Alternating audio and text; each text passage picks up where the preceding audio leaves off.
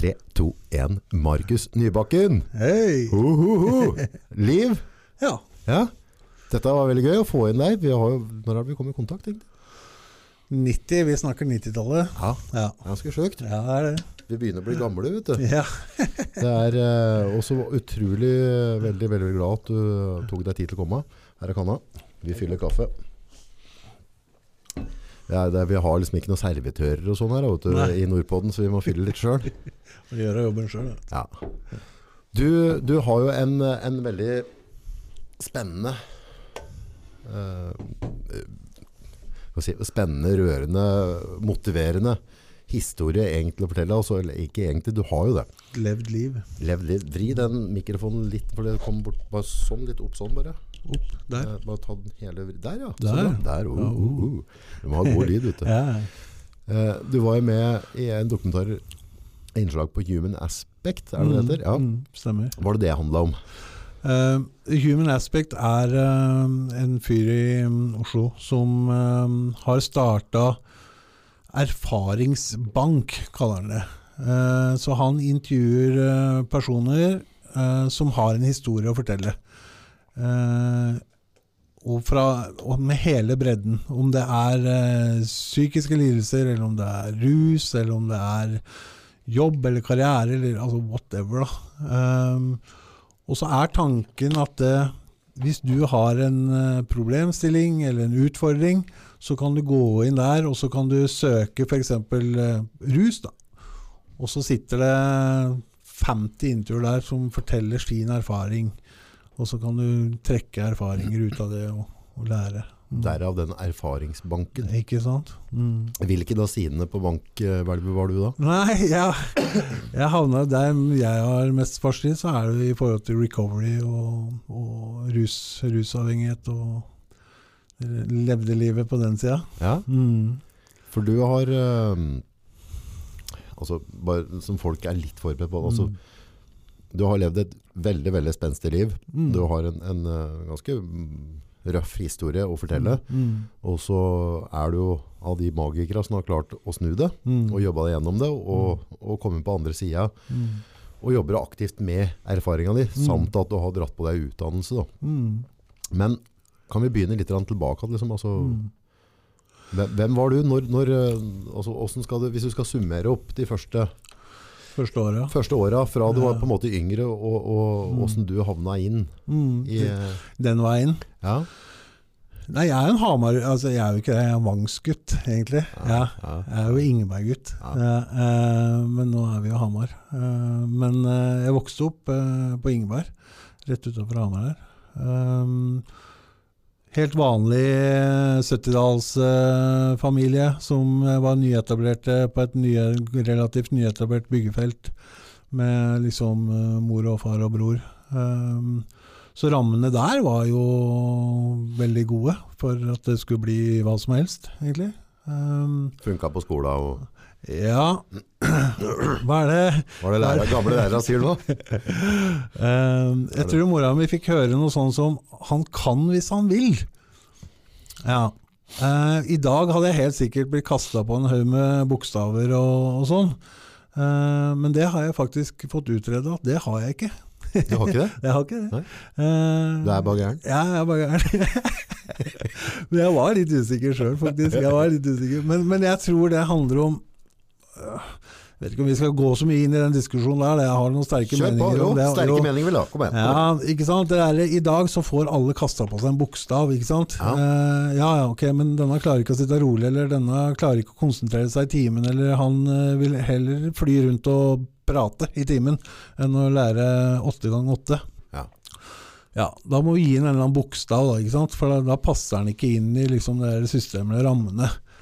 Eh, og så er det liksom Ja, hvorfor det? Hvorfor, eh, ja, Men hva er grunnen til at han vil flyge rundt? Eller, ikke sant? Hva er greia? Og så min Jeg har hørt Jeg veit ikke, dette må jo ikke faktasjekkes, for det veit jeg jo ikke. Men jeg har hørt noe sånt som at 5,8% av alle guttebarn på Hedmarken eh, var utreda for ADHD på et eller annet tidspunkt. Okay. Ja, liksom, det blir jo.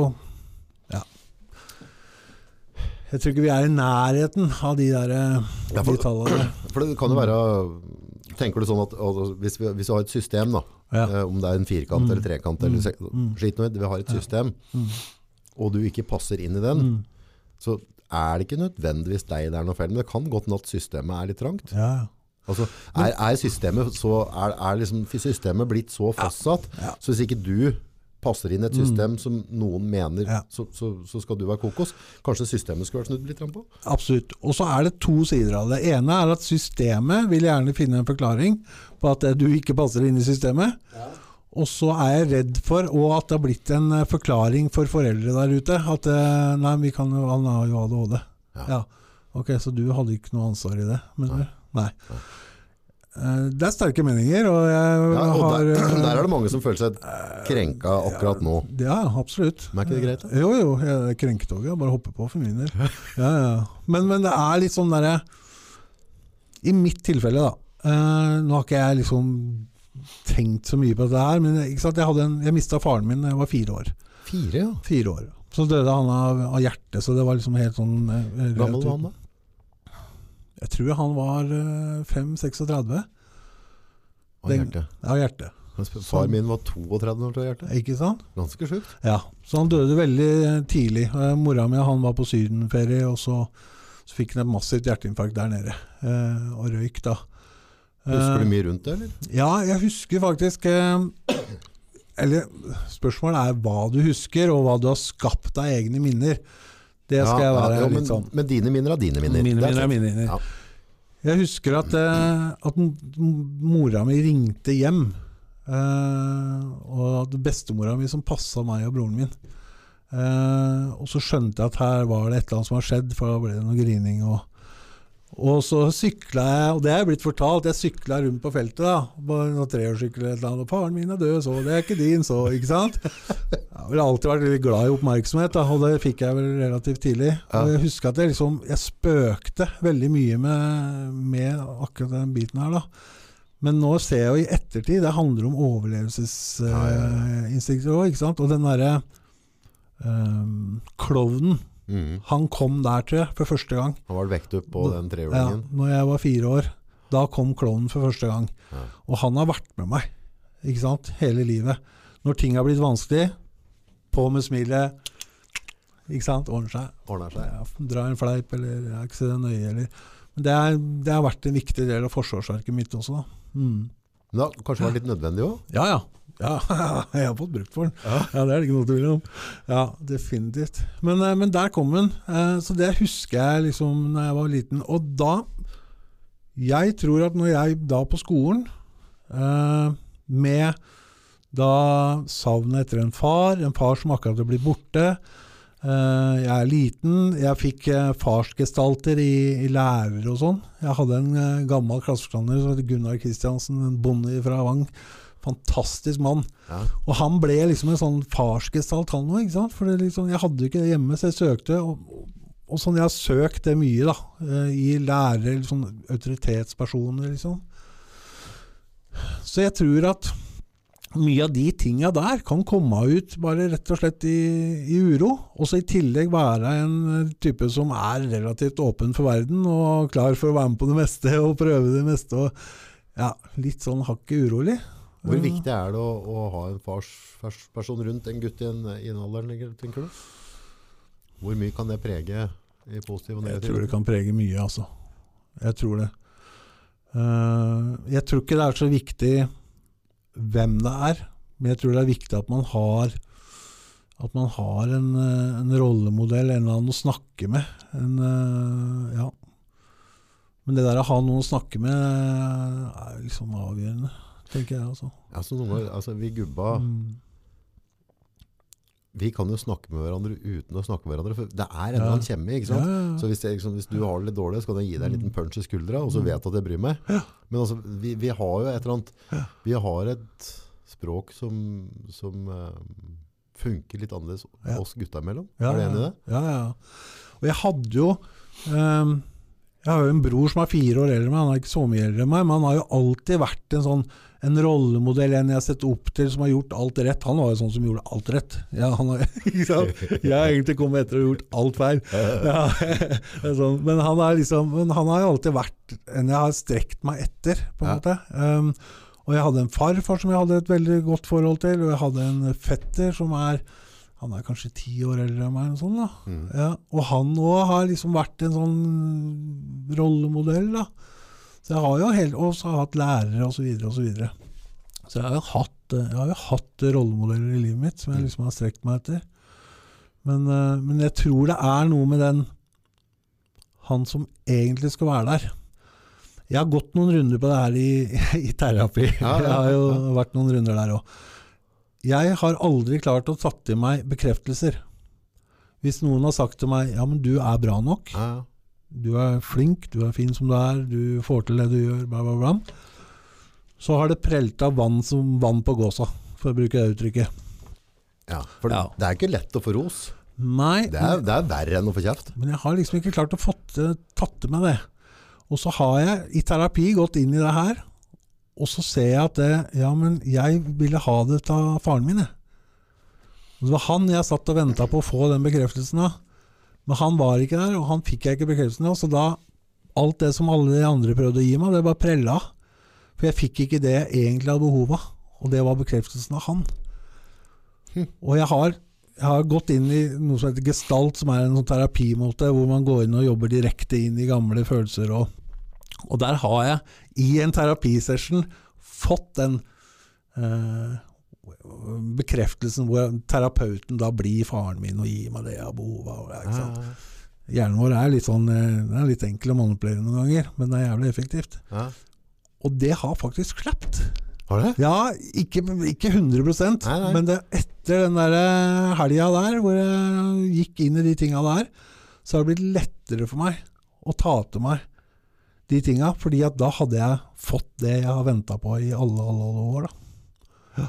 Og Så kan man velge å tro på det sjøl, eller eh, ikke tro på det. I don't care. For meg funka det. Ja.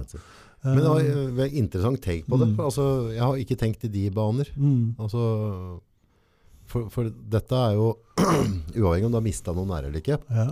så tror jeg en sånn ganske bra gjenganger for de fleste å få bekreftelse Mm. er litt vanskelig å tro på. Det er vanskelig å ta inn over seg. Og du kan Mm. få på en måte ros. Eller, altså, Mm. du er sånn og sånn. Og så, så, så feiver det litt av. Men kan det handle om at liksom ved, Ja, altså ja, det, Grunnleggende behov tror jeg det handler om, på en eller annen måte. Og så Også, har det noe å si hvem du får det fra i tidlig alder. Ja, Absolutt. Og her ser jeg jo, da har jeg òg noen meninger om i forhold til hvor samfunnet er på vei. da. Ja, Eh, hvis eh, Når mora mi eh, Det er jo lett å sette mora mi på pidestall, da. Men en fantastisk dame. Um, hun var hjemmeværende uh, når vi var små. Og det tror jeg liksom veldig mange av de der mødrene oppe på Ingbergfeltet var hjemmeværende. Ja, eller i ja, Ja. Og mannen jobba litt. Og I dag, da, så skal mamma selvrealisere seg. Hun skal bli yogainstruktør, og hun skal eh, starte eget firma. Og driver egen jobb i tillegg. Også fattern skal sykle Birken, og han eh, er opptatt av jobber godt over snittet. Og så skal unga være med på fotball, de skal være med på turn, og de skal være med på et eller annet lokalgreie. Ikke sant? Og hvor er liksom tida til Hvor er tida til den praten, til den trygginga, til eh, relasjonene? Å bygge de relasjonene. Jeg tror det er veldig mange i dag som vokser opp litt sånn rotløse, for de har liksom mister noe av tryggheten. Mm. Um, jeg tror det er fryktelig skummelt. I- Og så kan vi jo dra på med internett og tilgang til informasjon og mobiltelefoner og sosialt, alt det der greiene der. Mm. Men litt sånn Den derre basic tryggheten. Uh, ja. ja, for basicen må være på plass. ja, den må det. Tror jeg. For det, altså, det ligger jo litt i ordet. Basic. Ja, Hvis du tenker litt over det. Så det ja. Litt ikke å være rakkettforsker. Nei, altså. nei, ikke det. Nei, altså Jeg har jo jeg, jeg har så klart tenkt mye rundt dette jeg òg. Og, og det er jo altså, verden, altså Norge, verden, har utviklet seg Mm. jævlig fort. Mm, ja. Eh, og på en måte Det må jo bli noen Mm. voksesmerter. Mm. Vi har Mm. altså Fra at, at, eh, at det var bare kun Fiffen som hadde Ja. en mobiltelefon på ti kilo bak i bilen, Mm. til at alle bare sitter med tidenes computer i hånda, med informasjon, sosiale medier. Eh, begge foreldre er ute og jobber, pappa som sier, virker. Altså, dette har gått fort. Ja, ja.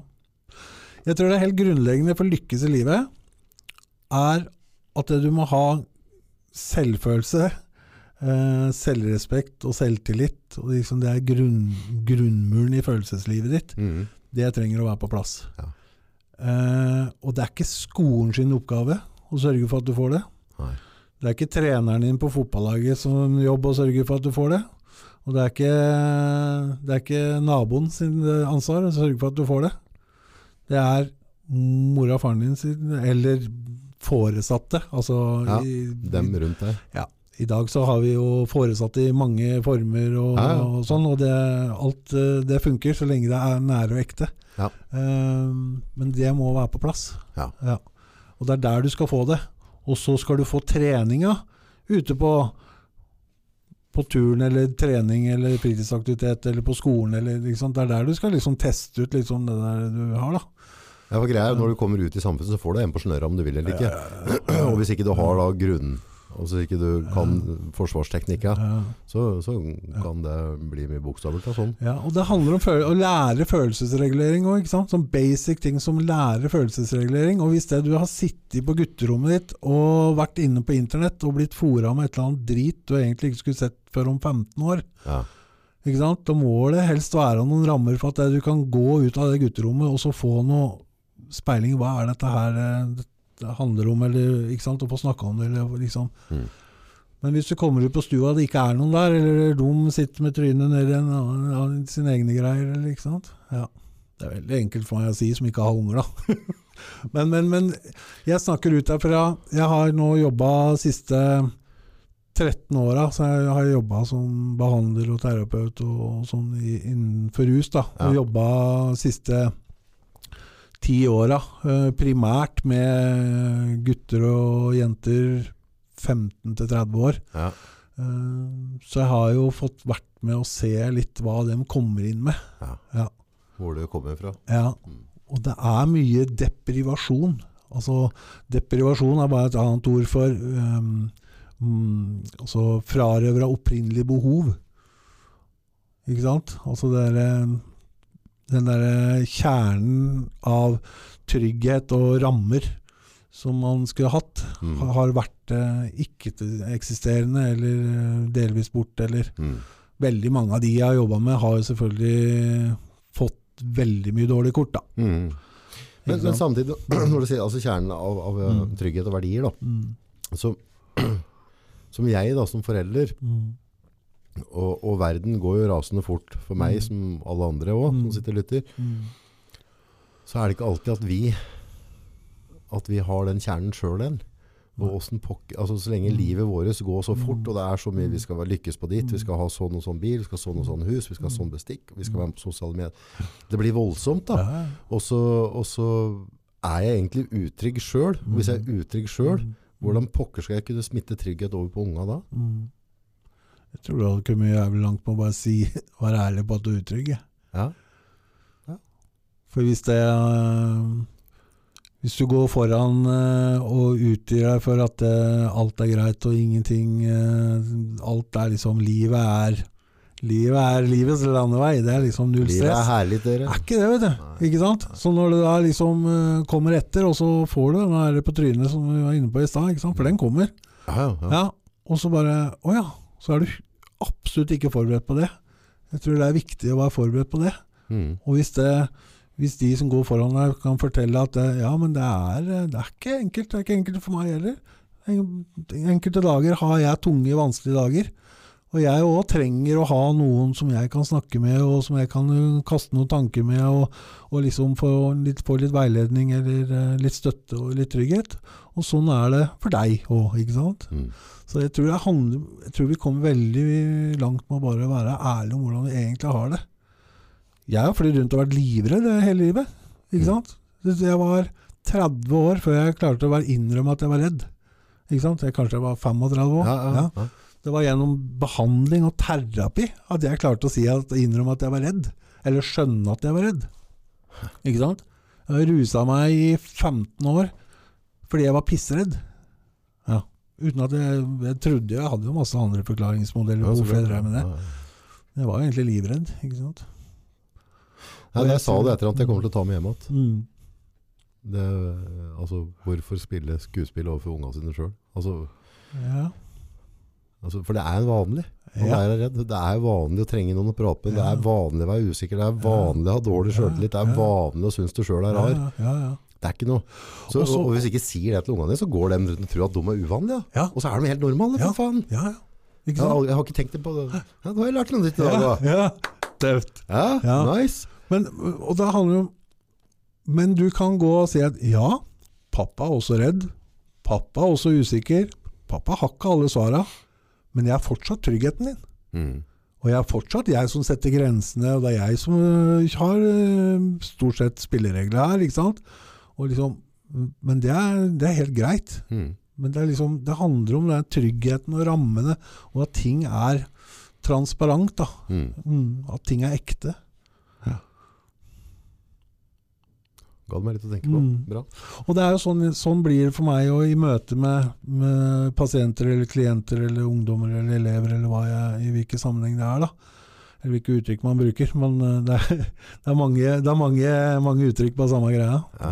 Uh, men hvis ikke jeg er ekte i møte med de, hvis jeg driver og, og kjører noe skuespill eller uh, prøver å bløffe, liksom Jeg blir Mm. gjennomskua på sekundet. Ja. ja. For de der guttene og jentene har blitt bøffa og lurt og manipulert og utnytta og misbrukt i nesten hele livet. Mm. Og hvis du kommer med noen sånne bløffegreier da, så avslører du deg på sekundet. Det de er gode menneskekjennere. Jeg hadde ei, en, en advokat, uh, hun Barbro Paulsen, inn her. Mm. Og hun var så opptatt av at uh, sannheten hadde sin egen vibrasjon, eller altså sin egen Mm. Altså, du hører når det er sannhet. Mm. Og når du blir bløffa, som du sier, Mm. så, så hører du det da òg. Men Mm. på en eller annen magisk måte så har vi på en måte i samfunnet godtatt at, at vi blir bløffa til. Ja. Altså, måte, Om det er politikere som sitter og sier en Ja. ting, og så, og både du og jeg kan sitte og se på fjernsynet, så vet at dette er bare noe å si før valgkampen. Ja. Men likevel så går vi liksom i stemmeulva. Mm. Altså, vi, Mm. men sannheten har en egen, egen frekvens. Ja. Men nå er jo alt har jo bare Alt er jo blitt staffasje.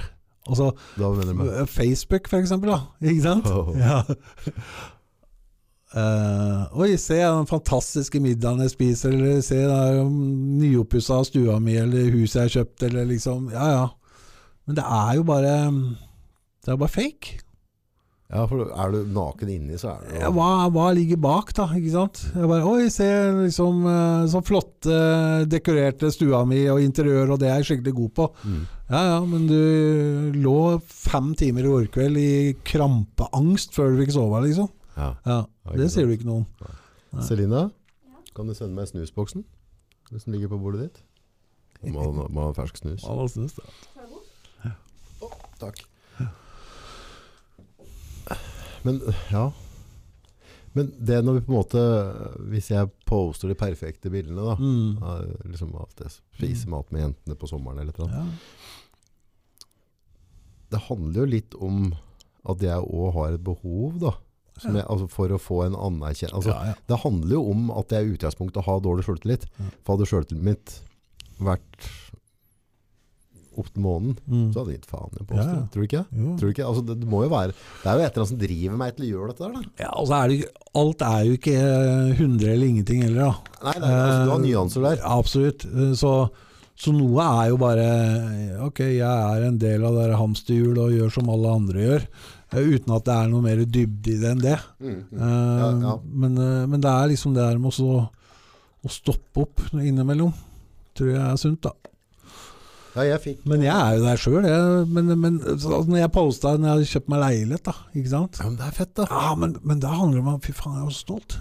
Ja, men er det ikke lov å være stolt, da? Ah, Det er lov å være stolt ja, ja, ja. Når du, når du sitter i leilighet du ikke husker om du har betalt husleia på i årevis, så er det ganske stort å kjøpe sitt eget hjem. Ja. Ja. Så Det- det- definitivt. Det, øh, vi, vi skyter av gårde i Jeg tror vi spora litt. ja, det er deilig. Det er, er det ikke sånn du, For mange øh, kan liksom bare si ja, han, han eh, intervjueren eh, et eller annet og sånne ting. Så jeg er jo ikke intervjuer. Altså, vi har jo en samtale. Og, og jeg tror som hadde vi sittet på CC nå og drukket Mm. kaffe, så hadde jo de sånn altså Det er en del av det som er naturlig med pod. Det er det som er litt sånn deilig med pod. Men Treårssykkel. Ja. Vi, vi må tilbake til der. Jeg, jeg vil ha, jeg vil ha storylinen der. Altså. Ja, vi, altså Mm. skolen. Ja. Skolen Nei, altså, jeg er høyt og lavt. eh, og, ehm, og vi var inne på hva er ADHD, og hva er traumer. Eh, jeg tror det går litt sånn eh, hånd i hånd. Jeg tror det er mange som har en eller annen form for traume eller deprivasjon, som jeg var inne på i stad, i livet sitt, som at det får, det får et utspill i urohet, eller ikke passer inn, eller faller utafor, eller ja. Og det var vel litt i det. Um, og så, når jeg blir litt eldre, så er jeg har jo òg møtt på noen utfordringer underveis som har bare gjort ting uh, litt vanskeligere. Uh, og som vi snakka om i stad, uh, det er For det vi historia er på vei mot nå, er jo hvorfor han og jeg og, og begynte å knarke, liksom. Ja. Ja.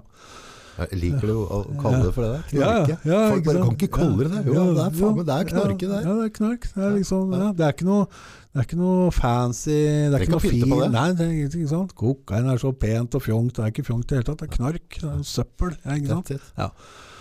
Men det var ikke én grunn til det. Det var ikke fordi at faren min døde da jeg var fire, som var grunnen til at jeg gjorde det. Det handla ikke om det. Men summen av, det er litt det som er min historie, sånn jeg har valgt å se det. Ja. Så faren min som døde, var en del av det. Så var jeg utsatt for noe overgrep eh, når jeg var yngre, sånn alderen 8 til 14 der. Mm. Det har definitivt vært med å påvirke meg. Mm. Eh, og så fikk jeg inn en eh, stefar. Fantastisk mann. Eh, tok dessverre altfor mange år før jeg eh, så det. eh, fordi at vi krasja litt på en del ting. Ja. Men han var, Du var ikke mottakelig da? Nei, ikke sant. Det var, eh, nei, jeg var ikke helt mottakelig. Og jeg gikk litt sånn i opposisjon, og jeg tror vi var litt sånn sjalu på mora mi begge to. Og, Ja. ja, litt sånn greier. Men, eh, eh, men det tok jo noen år, så skjønte jeg jo etter hvert at det, det handla jo vel så mye om meg som han, eller motsatt. Eller, ja, ikke sant? Men klart, det er jo med å påvirke. Ikke sant? Det gjør noe med de rammene og de greiene der. Um, og så finner jeg ut, når jeg liksom i tidlige tenåra der, så begynner jeg å få noen sånne tanker og følelser. Og jeg begynner å titte litt på noen kompiser og sånn, og bare liksom, hva er greia der? Og når jeg har den der erfaringa med meg i forhold til overgrepa og sånn, så, så blir jeg jævlig forvirra i det. Mm. Så jeg fikk en sånn eh, drøy identitetskrise og sånn i det. Det gjorde ikke akkurat selvbildet mitt og selvfølelsen min og alt det der greiene noe bedre. Og så oppdager jeg ganske tidlig, for jeg henger jo med mye venner som er litt eldre og sånn nå, så, så jeg begynner å drikke tidlig. Eh, Hvor ung var du da du begynte å drikke? jeg, har, eh, jeg har måttet justert den der uh, historia der noen Ja. ganger. Jeg husker, for jeg tror jeg Jeg veit og husker um, sjette klasse. Ja. Så det er i hvert fall eh, Slutten på sjette klasse i hvert fall første gang. Ja. Ja. Det var kanskje litt mer normalt før, for jeg òg tror jeg begynte i femte-sjette. ja, jeg tror ikke det var nødvendigvis så unormalt, skjønner du. Nei. Men det var noe, det som var, at det, det hadde en effekt på meg. Funka? Ja, funka. funka. Så det er, eh, den der følelsen av liksom Når jeg får i meg et rusmiddel, så mm, ja, det er, Nå fikk jeg liksom et friminutt uh, fra tankene mine eller følelsene mine. Eller. Så det kom veldig tidlig. Og det er jo det som jeg bare har Husker du noen tidlige opplevelser sånn med alkohol rundt? Altså sånn der, Da du følte at dette her er noe for meg? Nei, ikke, det tror ikke jeg har brukt så Jeg tror det var um, Jeg tror jeg ble tryggere i sosiale settinger litt, men det er normalt. Det er jo kanskje derfor 98 av nordmenn har drekk. For at de Tror faen meg 99. ja, Eller kanskje 100. ja, kanskje. ja.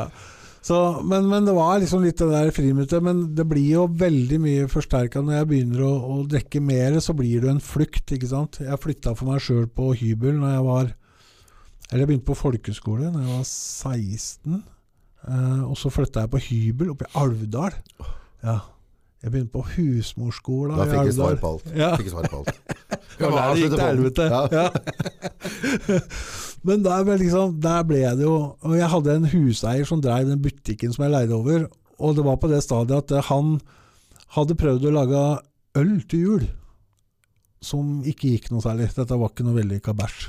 Så han Men i stedet for å helle det ut, så kom han til meg og lurte på om ikke jeg ville kjøpe det for flaskepanten. Så da, liksom, da hadde jeg vel satt en uh, standard før det, da, sikkert. Jeg husker at jeg fikk en påbakk. jeg gikk på butikken og skulle kjøpe meg potetmos, for det tror jeg åt middag omtrent hver dag. Potetmos og brød, og så en sixpack med øl. Men så mangla jeg en femmer. Og da la jeg tilbake brødet.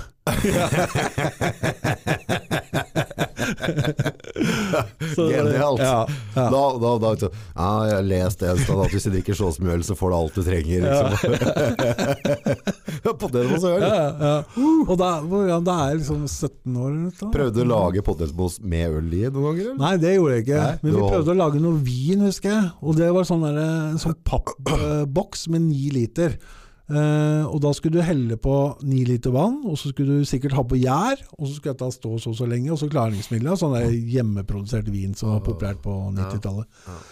Dette kunne jo ikke jeg. Altså, jeg tror jeg, jeg hadde på gjær, satt den kaldt.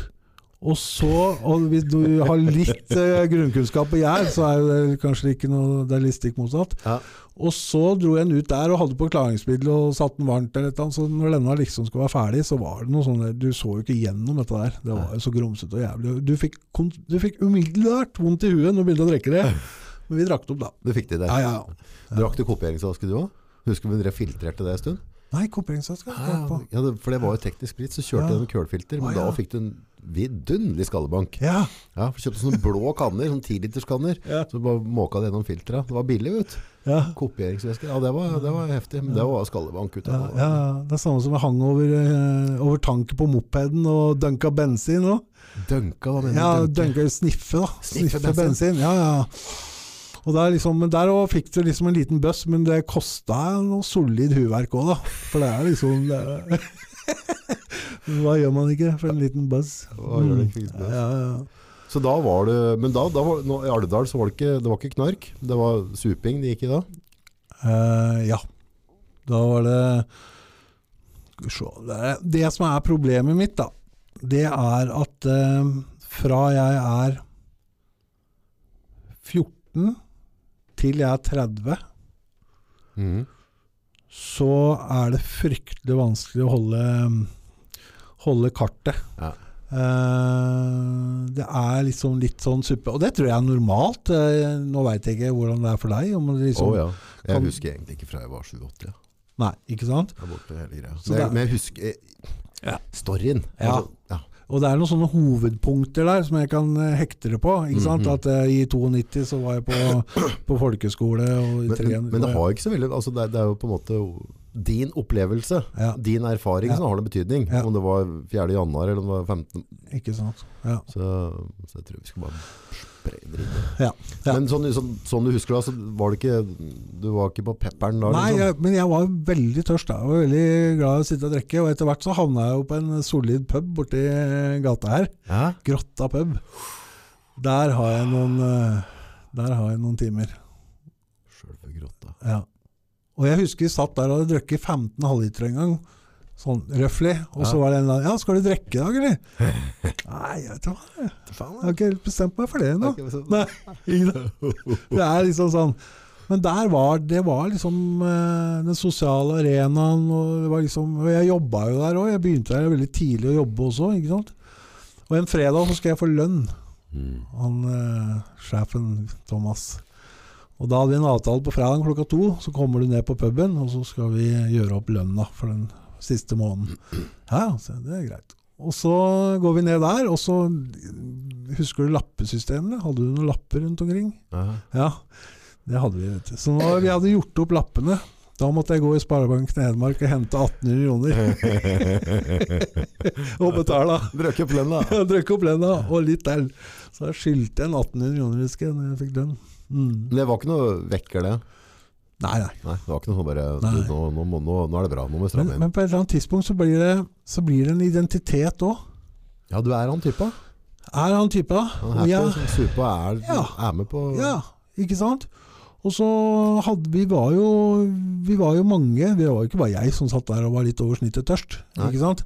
Og veldig, men vi var jo litt i den alderen òg. Noen var jo, er jo per definisjon tørsten enn andre. Mm. Men det var jo veldig mange av de som jeg satt og drakk med på pub på 90-tallet, som i dag har familiehus og jobber og karriere og alt, men som hadde en periode på et år eller to eller et eller annet, hvor, de Torsdag, var, fredag, lørdag. hvor de var med, liksom. Ja, ja, og det er jo ganske normalt torsdag, fredag, lørdag på den tida der, ikke sant? Ja, for de som driver og slutter på lørdag og søndag. Ja. Ja. Men jeg dro det litt lenger. Ja, Ja. Og så oppdaga jeg amfetamin. au. Husker du første gang du prøvde det, eller? Hvordan funka det? Ja, det husker jeg. Okay. Fryktelig godt. Da var det bare Å, fy faen. Der. Spiste du, dro du nesa en sprøyte? Hva, Dro det i nesa. dro i. Aldri toucha det før? Var det noen Nei. tanker rundt det når du prøvde det, eller var Nei. du full, liksom? Nei, bare tilfeldigheter. Tilfeldigheter? Ja, havna på en fest hvor det var tilgjengelig, og prøver det. Eh, og så får jeg bare umiddelbar svar, altså i kroppen. Bare, det her er jo det jeg lette etter. Ok. For da var liksom Alt er liksom følelser, og alt er bare I don't care. Og så Det var- Hadde det bra, bare? hadde det fryktelig bra. På den tida her så er jeg, jeg er jeg er redd, da, og flyr rundt og har mye tanker og er forvirra Jeg reiser jo jeg reiser annet til, til Oslo for å finne ut av det der med at jeg liksom øh, Å ja, kanskje jeg er skeiv, eller hva er greia? Ikke sant? Ja, for du hadde den greia, du. Jeg hadde den greia der òg, vet du. Ja. Og, øh, og da Og på den tida der så var ikke det så jævla kult. Nei. Nå, i, I dag så er det ikke noe Altså eh, Jeg skjønner jo at folk føler på det med å komme ut som skeiv nå i dag òg, Mm. men skru klokka 20-25 år tilbake igjen og gå ut som skeiv Hadde ingen rollemodeller. Nei. Hadde ingen Og, og da, da så folk rart på det. Ja, ja, ja, ja. Det er rett før de spyttet deg på gata på den tida. Altså, det har skjedd vanvittig mye med dette de siste 20 åra. Altså. Det var, det var en onkel i periferien rundt meg Ja. som angivelig var slik. ja. Ja. Han var, Ja, ja. Har du hørt den? Dette, dette, denne holder deg unna. Ja. Ikke sant? Han er sikkert, sikkert glad i disse smågutta. Ja, for da var det sånn i bås. ja. Uten tvil. ja, ja, ja, ja. Så jeg tror dem som kommer ut nå i dag altså, All respekt, men Mm. vi skulle prøvd det i tida di. ja det jeg Ja. jobba jeg, jo, jeg sporer jo hit og dit. Ja. Jeg jobba på et kollektiv med ungdommer Ja. for noen år tilbake, Det er kanskje ti år siden. Og så var vi i stua, og så um, Og jeg er sånn at jeg, flagger jo ikke at jeg, at jeg er skeiv, liksom.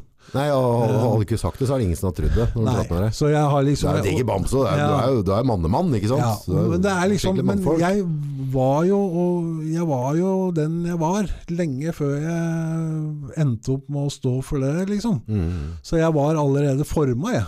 Så hvorfor skal jeg endre meg fordi at det jeg eh, tilfeldigvis forelsker meg i menn, liksom? Ja. Nei, det var ikke noe Nei. Men tilbake til den der ungdomma. Så drar jeg en fleip i stua der. Ja. Og så er det en ungdom som blir helt stille, og så er det Jeg husker ikke hva det var fleipen var engang, men han bare 'Er du skeiv?' sier han liksom. Ja. Og da alle andre ungdommer der, liksom 'Har du ikke fått med deg det, du?' da?» Nei, det hadde han ikke fått med seg. Nei. Men det var altså For dem så var det Det var ikke et tema engang. Altså Jeg var helt sikker på at det, når én har hørt det, så har alle hørt det. Det har de uh, hatt masse meninger om, og bla, bla, bla. bla ikke sant? Didn't care less. Brydde seg ikke. Nei. Og det er fantastisk. Er ikke det bra? jo, jo. Hver dag går videre, Hver liksom. dag går videre. Ja, folk får lov til å være den de Ja. er og har lyst Ja. til å være. Men uh, jeg ser fortsatt nyhetene, jeg òg, i forhold til Jeg ser hva som skjer i USA. Ser hva, nei, hva Donald Trump klarte å få til i forhold til uh, transerettigheter og, og skeives rettigheter i militæret. Han får med seg ganske mange millioner på å snu lover og regler. Ja.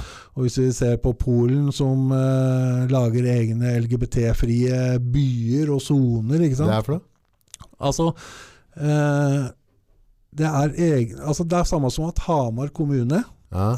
Busterud går ut i media og sier at Hamar kommune, der bor det ingen slike. Her er det fritt for slikt. Er det det i Ja. Europa? Ja. Det, fett er det ikke å klippe ut det du sa der nå, og så bruke det på Busterud. Vi tar en VG-vri Ja, på det hele ja, ja. Clickbait. Clickbait. Ja. Alle kommer til å hoppe inn på podden etterpå. Busterud, her er det ikke. Nei, ikke sant. Ja. Og, og sånn er det i Europa. ja, ja. Vi skal ikke lenger. Kødder I nå 2021? Ja, ja.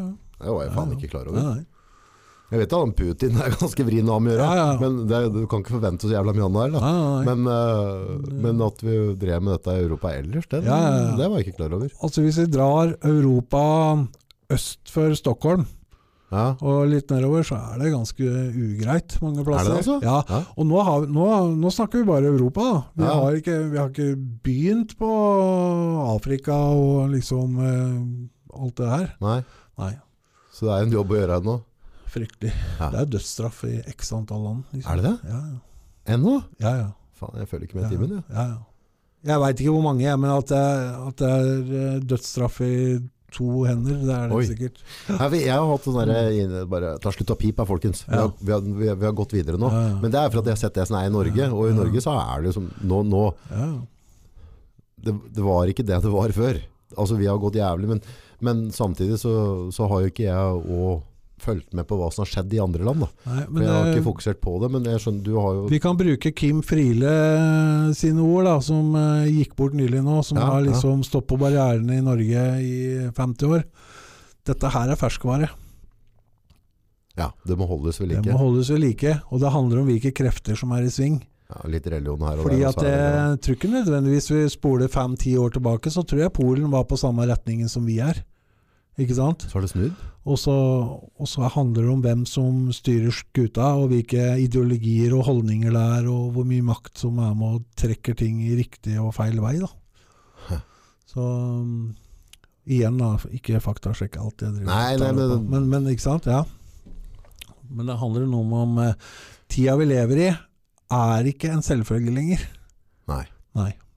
Og ting er eh, Altså Bare se hvordan USA var fire år under han Donald Trump. da Ja.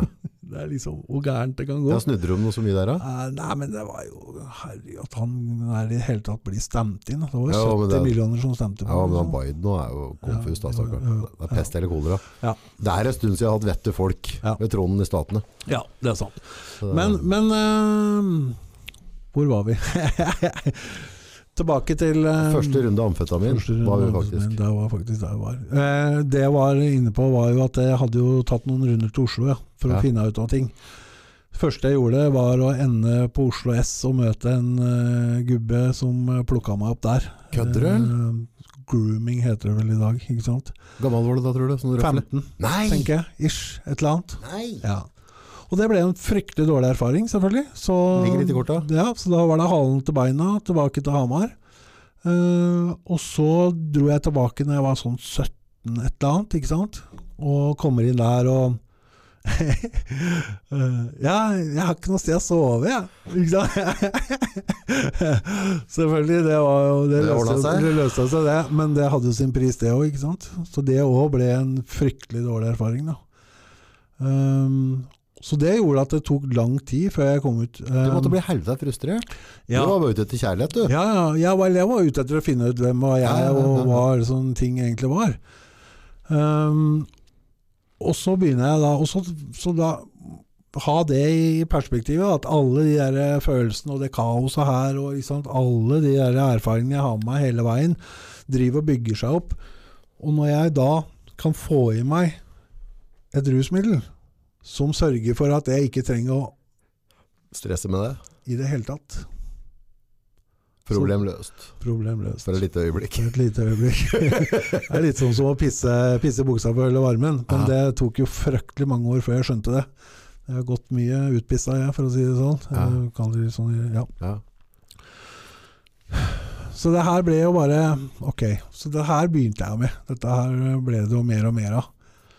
Eh, og så hadde jeg en episode hvor jeg drar til Oslo eh, og skal besøke en kompis i Oslo. Og så eh, havner vi på byen, og så um, får jeg manipulert han med inn på et skeivt utested. Ja. Um, Og det her er det ingen som tror meg på. Første gangen jeg oppdaga det stedet, det var et sånt svært diskotek, skeivt diskotek, Castro het det den gangen, okay. i, i Oslo. Ja. Eh, ved en tilfeldighet så mm, var jeg ute på Rangeren i Oslo, og så mm, fløy jeg over eh, veien og holdt på å bli påkjørt av en taxi. Og så klappa jeg hånda i panseret og liksom Hei, hva er det du driver liksom. Ja, ikke sant? Hva er det du driver med? Og han kom ut av bilen og liksom Han var ikke veldig fornøyd med at jeg drev og slo i bilen hans. da Nei, ja, ja. det er rødt lys, sier han, for det var sånn fotgjengerfelt. det har ikke jeg fått med meg i tåka. Men uansett, dette her eskalerte, så endte med at jeg klappa til han, da. Ja. Så han, eh, ja, Og så tenkte jeg at her kan jeg jo ikke være, så nå må jeg komme av beina på nakken. Ja. Og så er det han, eh, en som roper «Hei, 'stopp', og jeg bare «Jeg 'tror du er dum', eller?' Bare, og så løper jeg bare rundt et hjørne og inn på første stedet, liksom. Og det var det. og da var jeg plutselig inne på en sånn homsedisko, liksom. Og jeg bare ok, ja. Så når jeg fortalte det i ettertid, jeg visste ikke at det var Ja, ikke sant. Ja, Akkurat som du ikke Ja, ikke sant. Ja. Nei, så der havnet jeg. Så der hadde, dette hadde jeg da visste jeg om. Så jeg hadde jo fått manipulert det der eh, fastfølget med dit, da. Og der uh, endte jeg vel opp med å rote med en eller annen fyr eller et eller annet. Ja. Um, og kompisen min er jo han er jo kompisen min, så han er jo bare sikkert bare glad for meg. Han, Ja. så han Fin, ja, så han sier at ja, han dro jo med han der på nachspiel, tror jeg. Jeg tror jeg prøvde å få klippet den av følge, liksom, men han uh, dro med. Og det ble uh, Det ble for vanskelig. For da Da måtte jeg møte For jeg hadde jo ikke, jeg hadde jo ikke kommet ut med noen ting. Jeg var jo ikke Ah, Jeg var ikke åpen, Da hadde du kompisen, så hadde du plutselig vært åpen om det. Og så Og så hadde jeg ikke vært åpen, og så var det ingenting som ikke var snakka om. Og det var greier, og så sitter jeg bare på balkongen her, og så tenker jeg at dette ble så jævla vanskelig. Så sitter jeg på balkongen her, og så ser jeg ned. Og så tenker jeg at eh, det her kan jo ikke gå bra. Jeg satt jo oppe i femte etasje. Og så tenkte jeg at det her kan jo ikke gå bra. Og så tenkte jeg liksom eh, Ja. Hva er veien videre, liksom? Skal jeg, må jeg stå for dette her, eller må jeg Ja. Og så tror jeg bare jeg tok en beslutning i løpet av 30 sekunder, og så bikka jeg meg utafor. Nei. Og da tok jeg Men jeg traff. Over blokker så er det sånn betongtak på noen blokker over inngangsparty. Ja.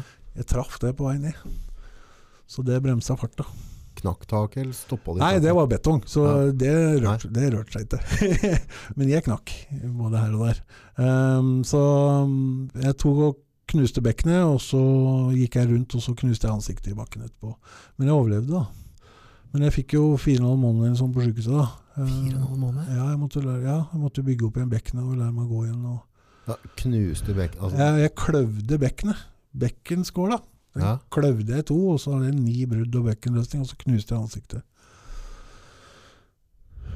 Du har jo ikke kjangs mot betong og asfalt, Nei, nei, nei. Uansett om det er fra Ingeberg. Men, så det var liksom Men der, der det, Men for faen, hva- Hva tenkte du nå på sykehuset da? Altså, jeg skjønner jo at her, her var, det, var, var det så mye følelser som gjorde at du tok på 30 sekunder bare fant at dette gidder jeg ikke mer. Ja. Og, og, allerede, og så har du allerede hadde begynt i rus. og- Altså, ja, jeg hadde prøvd å, aldri prøvd å flykte fra dette i Hvor gammel var jeg? Dette var jo 97, så jeg var sikkert 21 da. 21 var jeg da, for jeg er født i 76. Ja, 21 år. Så da siste ti åra der, da, hadde bare, det bare Den kvelden så ble det too, too much. too much. Ikke sant? Men Og det første jeg tenkte når jeg lå på bakken, var faen. Jeg klarte ikke dette heller. Fordi at eh, målet var jo ikke at jeg skulle lukke lokke opp at øya. Men det gjorde jeg, og det husker jeg var et fryktelig nederlag. Um, men Og så var det face reality når du lå på sykehuset da. For da, da, da, har du òg prøvd å ta livet av deg, ikke, og Ja. ikke gjort det også. ja, Det er jo noe skam rundt det også. ja, og, og innrømme at jeg var så Mm. langt nede at jeg hadde Mm. lyst til å avslutte det. Og, det- og se både familie og venner i øya etter å ha gjort noe sånt. men det var det ikke snakka om. Jeg bare datt ned, That's it. ikke sant. Så du slapp den. Ja. Ta noe senere. Bevisst eller ubevisst valg, men det ble ikke snakka om fordi jeg datt ned. Okay. Det ble aldri sagt at jeg hoppa. Ikke sant? Det tok noen år før jeg innrømte det. Ja. Men tilfeldigheten er at vi var tre stykker fra den der puben på hjørnet her som vi snakka om. Som, som jeg, jeg lå på Hamar Jeg ble flytta fra Elverum, nei, fra Ullevål til eh, Hamar sykehus. Mm. Og når jeg lå på Hamar sykehus, så kom to av de andre kompisene mine inn nå. Han ene hadde skåret opp begge pulsårene sine i telefonen med faren sin, og han andre hadde spist en ask med noe Paracet eller et eller annet. Mm. Så vi var jo vi var flere som eh, var redde og som ikke hadde kontroll på ting, men som drev og flykta i det vi alle drev og flykta i. Så det var liksom litt sånn Det ble jo ikke snakka om.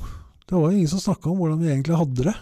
Nei, du må ikke finne på det, for det er, det er vondt. Ja, ikke sant? Så, og alle har, jo, alle har jo issues på et eller annet Ja, ja. nivå, ikke sant? Men det ble aldri snakka om.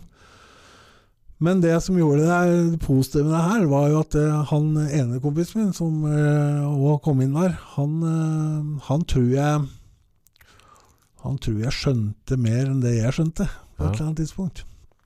Så han eh, sier eh, Jeg husker ikke hvor lenge etterpå, et halvt år eller et eller annet. Så sier han 'Kom, skal vi dra og kjøre bil?' 'Å ja, hva er det vi skal nå?' 'Nei, nå skal vi ut og kjøre en tur.' Ja. Og så kjører vi opp på um, Katta Mm. videregående. Så skal vi inn her, sa han. Ja, inn her? Hva skal vi her? Nei, du får bare bli med, sa han. Ok. Ja vel. Hva er det han har tenkt på nå, tenkte jeg. Hva er det liksom, hva er det som, er som skjer på Katta? Og der var det en sånn Da har han gjort noe research, sånn, da. Så der hang det en lapp på døra. Eh, Villskudd sto det på døra. Så åpna han døra, og så bokstavelig talt dytta han meg inn. Og så sier han bare her har dere ikke et nytt medlem, henter han om en time. Og de, du skal ikke være med du òg? Ja, bare, nei, det går fint. Det klarer dere fint. Og det var altså en ungdomsforening for skeive. Som ah. var en eh, knippe, lite knippe som drev. Og, det, og da, da løsna ting litt mer, da. Ja. For da møtte jeg noen likesinnede og fikk snakka litt om ting, og fikk delt noen erfaringer, og jeg var ikke aleine, og bla, bla, bla. Så han hadde liksom eh, Han hadde plukka bitene, han.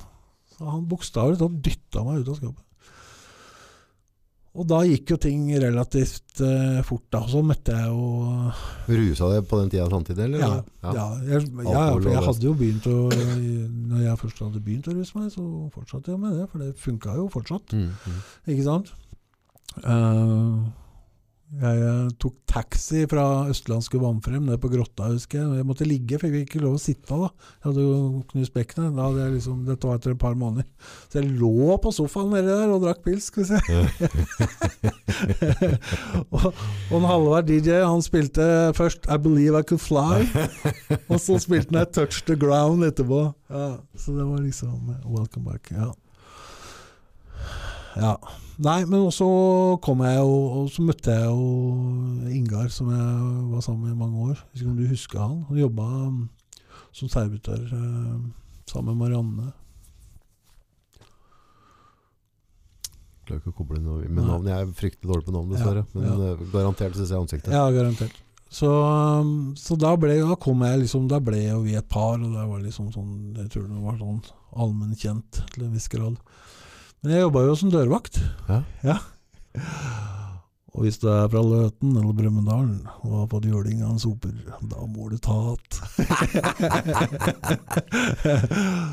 så det ble et spenstig år, husker jeg. Det magiske er jo at du var skeiv. Vi møttes nede på brygga eller noe for to-tre-fire år siden. Mm. Det er første gang jeg har fått det med meg. Ja, ikke sant? Og det er, det er helt sprøtt, for jeg, vi har jo liksom vært kollegaer og altså jobba i døra begge to. Ja, Men, uh, men dette har flyttet meg hus forbi. Det. ja, ja, det er fint det. Det sier noe om din sjel. Ja. Ja.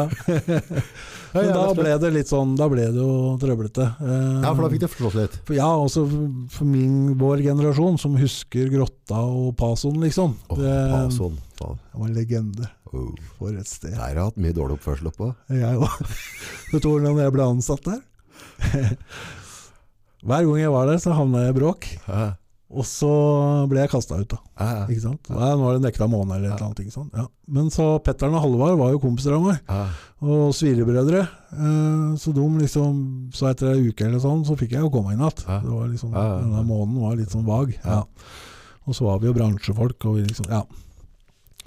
Men, eh, men så det smalt jo igjen med en gang, da. Så Mm. måtte jeg liksom, og så sier hadde Petter'n og Halvard Hva gjør vi med den? Da?» Vi ansetter den. ja. Ferdig. Ja. Høl nedre. ja. Så da ble jeg ansatt. Ja. Og da, da gikk det mye bedre. Ja. Da ble jeg i hvert fall ikke kastet ut. Nei, da slapp du det. Ja, Og heller ikke ha et sånn som meg, da. ja. Nei, det var, men, det var, men det var, liksom, det var litt morsomt da. Jeg, jeg var gammel, var jeg? jeg var 22 år. Var liksom, vi var jo på vår beste alder, ikke sant? Udødelige Ja, var vi. ja vi var det. Ja, var ikke redd en dritt. Nei. Var udødelig. Ja, ja, ja. Var Og på når du det, det har stått til slutt et antall ganger òg, så blir du litt sånn høy på deg sjøl òg. Ja, ja. Går rett i huet. Ja, ja, det gjør det. Så det var liksom eh, god, sunn norsk ungdom på det verste da. Ja. Men fryktelig mye moro òg. Ja, fy faen. Ja, fryktelig mye moro. Um, Var det når Erik var og tok over òg, eller? ja. Ja. Nei, det var, ja, det var jo gærent. Ja. Jeg og Halvard bodde jo på toppen der oh, en periode. Hadde, han hadde vel en, noen deal med noen huseiere eller et eller annet, så vi hadde jo 180 kvadrat penthouse på toppen der. Så det var liksom på kvelden så, var så gikk jeg opp, og så satte jeg to kasser på stuebordet, og så fikk jeg beskjed at ta med hu og hu og hu, og- ikke sant. Mm. Ja, og så var det opp der, og så var det nachspiel, og så var det ja. ja, det var jo Jeg tror ikke det er eh, øyeblikket mora mi var mest stolt, for å si det slik, når jeg kom på besøk. Men, eh, men det var den tida. Det var det det var. Ehm, ja, det var en erfaring, det òg. Ja. Uh, men så ble det jo Men så ble det jo mer og mer rus. Jeg har jo allerede begynt å, å dra på litt. Uh, jeg drikker mye. Jeg, det blir mer og mer amfetamin. Eh, og både jeg og samboeren min eh, vi begge ruser oss. Og når du er to stykker, så, så blir det som det blir. Det blir fort mye og mer. Uh, og jeg begynte tidlig med sprøyter. Um, for det kom inn i bildet veldig, veldig, veldig, veldig fort. Det folk sier at når du først begynner å skyte, så, så går det unna. Ja, det gjør det. Fordi at eh,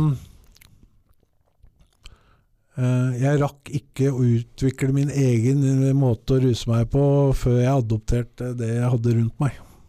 For å si det på den måten. Um, så jeg tror jeg kanskje brukte amfetamin to-tre ganger noe før jeg skjøt første gangen. Au! Ja, ja, det gikk veldig, veldig, veldig fort. Uh, og så er det veldig effektivt, da. Det funker jo, ikke sant. Ja. Få svar på Eh, tiltale. ja, det gjør det. Så det ble mye. Så de åra der var det, det var mye greier. Mye rus. Ehm, og så ehm, Så dør jo Så blir, ja, så blir det slutt med oss uh, en periode der. Vi, vi blir jo flytta til Lillehammer. For det er en kompis av oss som sier at nå orker jeg ikke å se på deg noe mer. Uh, og han hadde et prosjekt oppe i Fåvangtraktene der. Så han sier at nå kan dere bo her, og så jobber du litt for meg, og du er litt vaktmester. Og så, ikke sant? Han vil jo bare dra oss unna. Ja. Eh, og det funka til en viss grad, og så etablerte vi oss på Lillehammer. Eh, og så klarte vi oss lenge med å sitte på Håkons pub og drikke etter jobb. Og, og røyka jo cannabis, til den store gullmedalje selvfølgelig, hver eneste kveld. liksom. Og så dro vi ned i traktene her, da, eh, og rusa oss litt sånn Litt sånn innimellom. Ja. Ja. Men når du først har dratt i gang, da Og jeg er, jeg er liksom Jeg er en addict, liksom. Um, så kan man ha mye tanker om å stoppe og gi seg og ha pauser og sånn, men det, det, jeg styrte jo ikke showet lenger. Det var mange år siden jeg styrte showet. Så det her bare spant i veien. Uh, og så Så ble det slutt med oss, og så flytta jeg jo tilbake til Hamar der. Og så fant jeg at jeg skulle flytte til Oslo. da. Mm. Eh, og alle sier du kan ikke flytte til Oslo, du. Det går jo ikke bra. Akselerasjon. Ja, nei, men herregud, jeg har full kontroll, ikke sant. Men uh, det er jo noen generasjoner allerede som uh, hadde en erfaring på at Oslo er siste stoppested for uh, sånne som meg, da. Um, og jeg var ikke noe unntak der. Um, og så, så dør jo Ingar, og så blir det noen greier, og så drar jeg til Oslo, og så Og der tar jo Hva ting skjedde med Ingar? Nei, han øh, overdose. Så han øh, døde. Um, og um, bestekompisen min døde av øh, Da var jeg allerede inne i Oslo når dette her skjer, da. Uh, av multiorgansvikt, altså rus, da. Nyresvikt. Um, så det ble veldig mye. Og jeg husker ikke hvor lenge jeg var i Oslo, men jeg rakk ikke å være der spesielt lenge. Uh, og jeg tror jeg bodde sju forskjellige steder i løpet av det halvannet året, to året jeg bodde der, eller noe sånt. Uh, og det var um, Hvor lenge bodde jeg der, da? To-tre år maks, eller noe annet. Og da var det liksom uh, Ja. Og da Først Først hadde kompisen min døde. April eh, 2005. Og så mista jeg jobben juni 2005 der. Og så har jeg en eh, samboer som er eh, hiv-positiv og sjuk, og som vi er ut og inn av sykehuset med. Eh, og det er mye, mye styr, da. Um, ja. Eh, I hvert fall så er det mye greier med han er sjuk og sånn. Og så eh, sitter jeg der og har ikke noe jobb lenger. Uh, jeg bor i en leilighet hvor uh, husleie er sånn delvis betalt. Strømmen uh, ble tatt. Uh, stuebordet er stjålet. Uh, TV-en er bestjålet. Uh. Det var liksom Det var uh, Det er helt nedpå. Ja, det er nedpå. Uh, fordi jeg har alltid hatt jobb. Jeg har alltid hatt en fasade. Jeg har alltid vært liksom Ting har vært noenlunde på stell. Utad så har ting sett Han så kul å være på nachspiel med. Og, ja, ikke sant. Utad så har jo ting eh, sett eh, relativt greit ut. Jeg gikk på, gikk på Nav for å få noen dagpenger og endte opp med å bli arbeidsleder for et sånt kommunalt tiltak. Altså, ja, hele tida liksom ting har ordna seg. Jeg jobba liksom på sjukehus og liksom ting var liksom Ja. Men her er ting helt, helt nede. Du er på endestasjon. Ja, jeg er det. Og liksom, jeg mista jo jobben. eh, direkte konsekvens av det livet. Hva jobba du med da? Jobba i hjemmesykepleien, faktisk. Uh, men uh, så um, var det en morgen jeg skulle levere um, rapport og nøkler. Jeg var nattansvarlig. Og så sovna jeg på natta der, og våkna litt utpå formiddagen med nøkler til 16 pasienter og en bil og litt sånn. da var det slutt, da. Det var slutt. Ja, da var det slutt. Uh, da var det slutt. Uh, og på det tidspunktet, skal jeg være helt ærlig, så var jeg så glad. For jeg jobba to dager i uka og hver femte helg. Og det var fryktelig slitsomt. Fordi at jeg skulle kombinere dette her med å ruse meg på fulltid.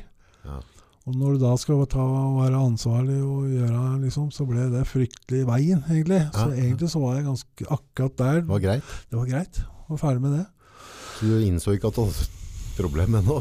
Det var ikke der. Det var ikke der riktig. Hadde- Men, men det, det, begynte, begynte, nei, men det begynte å dra seg på der. Men hadde du spurt meg høsten 2004, Mm. så hadde jeg, da hadde jeg hatt full kontroll. Ikke sant? Mm.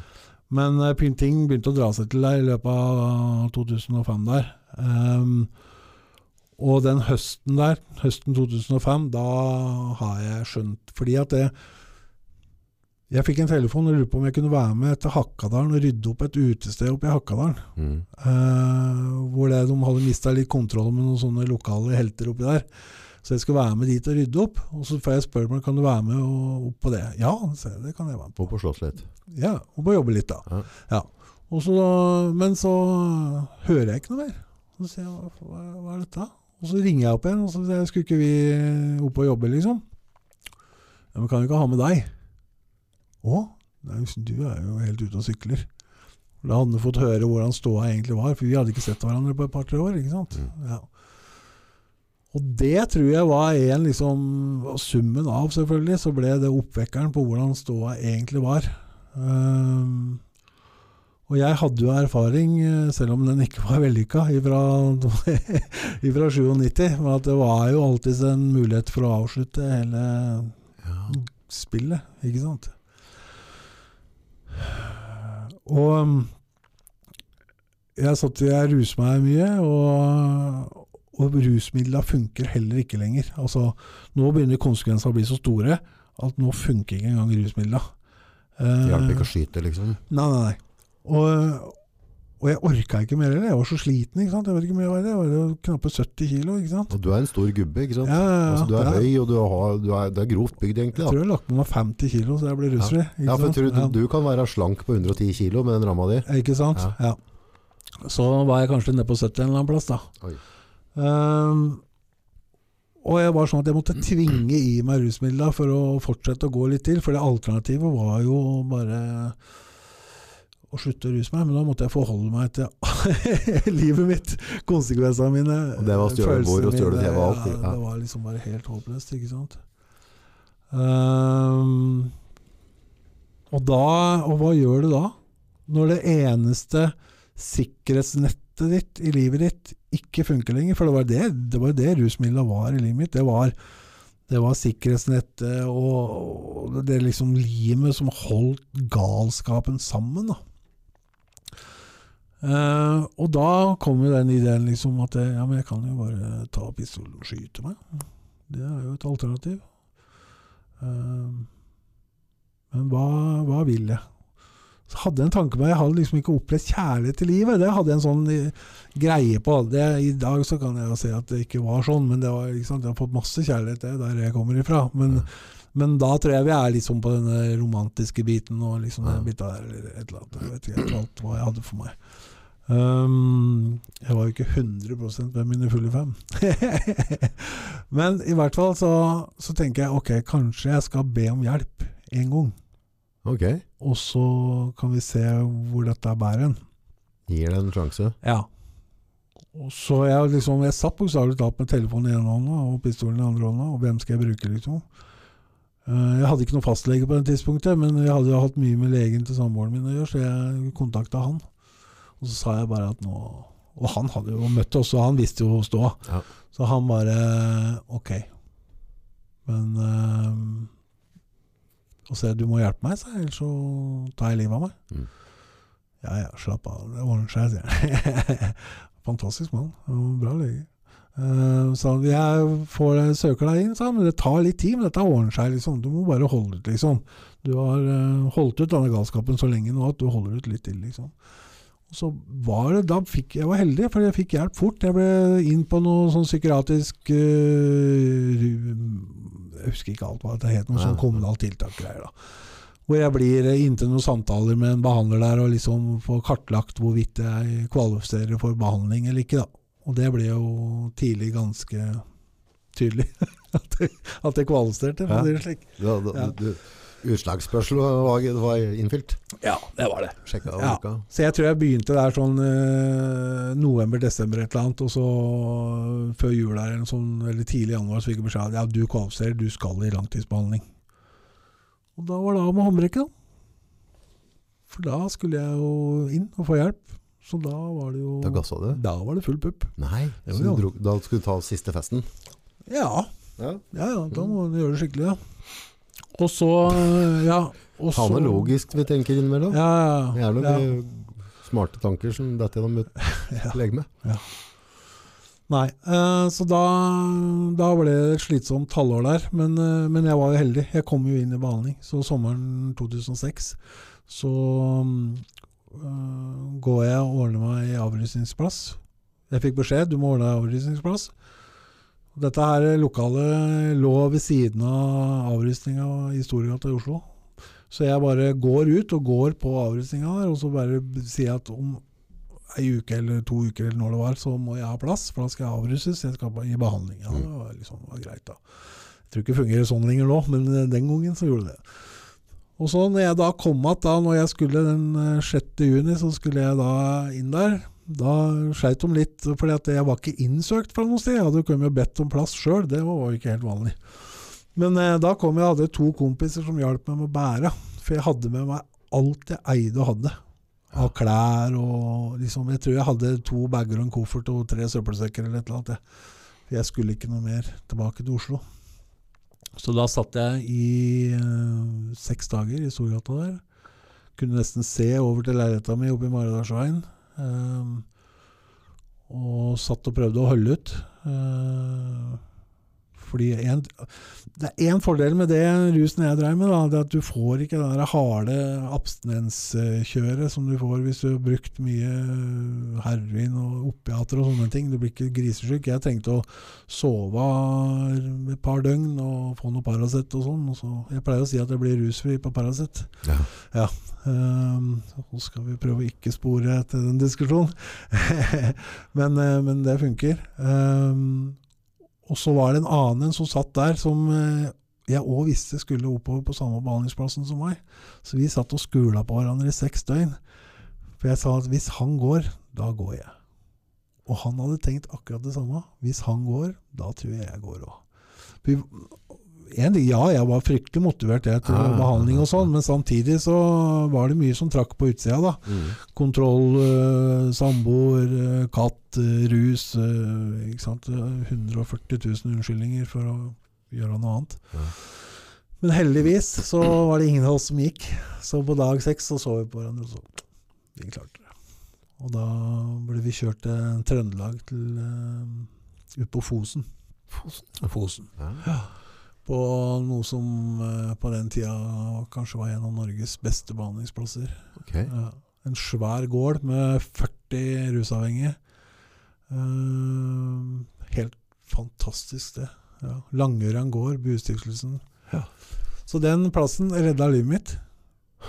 Helt klart. Um, og ikke bare plassen, men også personene som var der, som gikk foran meg. Fordi at der var det noen som hadde vært i behandling. Den gangen så var behandlingstida tre år. To-tre år. ja. Ikke sant? Det er lenge. Så når jeg kom inn der, hvor lenge skal jeg være her? Neste tar den tida det tar, det. Ja. Ikke sant? That's it.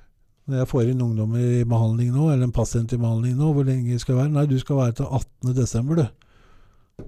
Da, da skal du være ute. For ved innkomst så skal du ha en dato for utkomst. Ikke sant? Og i tillegg så hva får de nå? Seks måneder, ni måneder, ett år maks. Ikke sant? Uh, vi fikk beskjed om at det tar den tida det tar. Ikke sant? Perspektivet var to-tre år. Det var noe helt annet. Mm.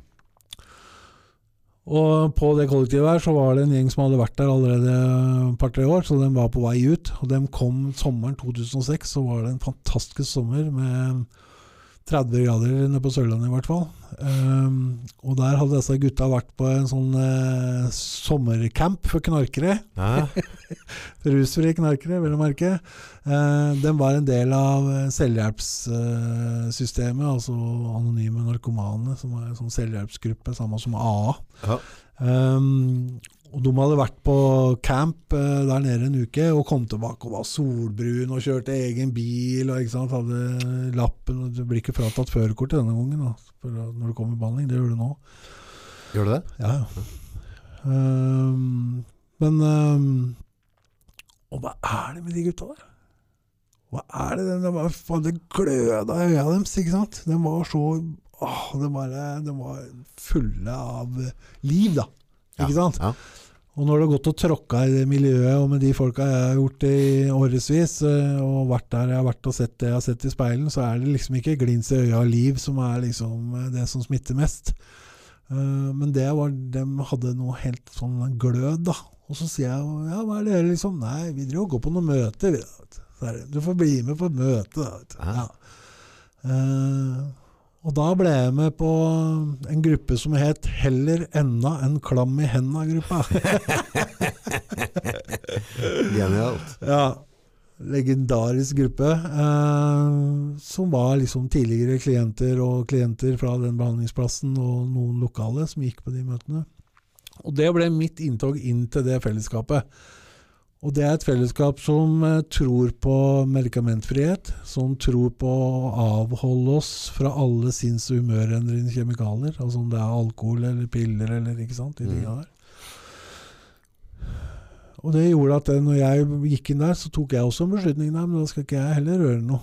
Uh, og for meg så har det funka. Mm. Og for meg så har det helt klart vært en redning. Fordi jeg er veldig glad for at ikke jeg eh, tenkte at jeg skal bare ut og lære meg å drikke kontrollert. Uh, fordi at uh, kroppen min funker ikke sånn. Uh, jeg pleier å si jeg blir pulverhår etter fire øl. Ja. Ja. Ja. Så, og er det sånn fortsatt? Aner ikke. Trenger jeg å finne ut av det? Absolutt ikke. Det livet jeg lever i dag, lever jeg fordi at jeg har tatt de valgene jeg har tatt. Og det er ikke verdt å gamble med, rett og slett. Og så trenger jeg det ikke heller. Det er fryktelig mye billigere òg. Ja. Ja, så kan jeg kjøre hjem igjen når jeg ikke gidder mer. Mm. Ja, for det er jo en sånn illusjon dette med, med alkohol og liksom at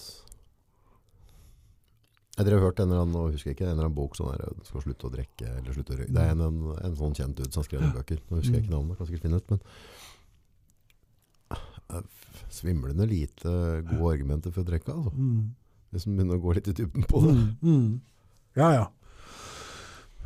Men ikke sant, det handler om å tørre å være tydelig i seg sjøl, ta plass, eh, sosial, eh, det sosiale spillet.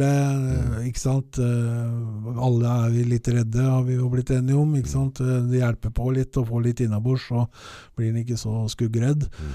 Så, så selvfølgelig så funker det jo, eh, men eh, jeg har nå klart å finne ut at jeg mestrer den sosiale arenaen fint uten å ha i meg en alkohol. Eh, og så er, det blir en stolthetsgreie òg, ikke sant. Ja.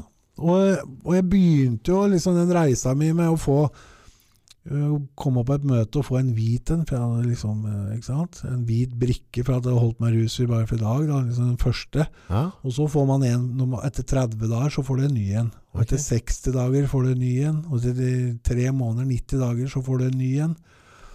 Og det, er liksom, det blir sånne delemål underveis som, blir, som plutselig begynner å bli, bety veldig mye. Så den der plastikken Det er bare plastikkjazz, men det betyr veldig mye. Og Etter hvert så bygger jeg en stolthet på det òg. En mestring, ikke minst. Da. Jeg mestrer livet, begynner å mestre livet mitt mer og mer. Og jeg liksom klarer å stå i noen jobbsituasjoner på denne behandlingsplassen hvor vi, det var drev svært med bilverksted og snekkerverksted og stall. og ikke sant? Du fikk masse ansvar. og, og Jeg var traktoransvarlig og sto for brøyting og drev og styra og liksom og kosa meg. Flykta masse i denne traktoren der Ja. i år, månedsvis oppå der. Eh, Men, eh, men eh, jeg fikk jo liksom der jeg utvikle meg og få begynne å bygge selvbildet og den selvfølelsen. og begynne å få snakka om ting og bearbeida historia mi og sånn. Så jeg fikk fryktelig mye god hjelp der. Og så har jeg jobba med meg sjøl i selvutvikling, er, for det der selvhjelpsgruppene er selvutvikling. Det Det er, skulle alle ha gått på. Absolutt. Om, altså om du drikker eller ikke drikker. Det har Ja, ja. ikke med saken å gjøre. Men Absolutt det, ikke. altså, Fy faen for noe potensial det ligger i oss. Ja, ja, ja. Hvis vi bare begynner å utvikle oss litt. ja, ja, ja. Og vi snakker om rusavhengige som blir rusfrie. Mm. Hvis vi tenker at det eh, nullinja, da er livet for menige i gata, da er livet på bånn. Ikke sant? Mm. Og så har vi rusavhengige vært nede på minus fire. Mhm. Der har vi overlevd. Mm. Godt under bunnlinja. Mm. Og så, når vi da kommer opp på pluss én, eller pluss to, liksom, da skal vi plutselig være fornøyd, da. Da har du fått et godt liv. Pissprat. Ikke sant? Men potensialet er jo faktisk eh, ikke på fire engang, det er på fem-seks.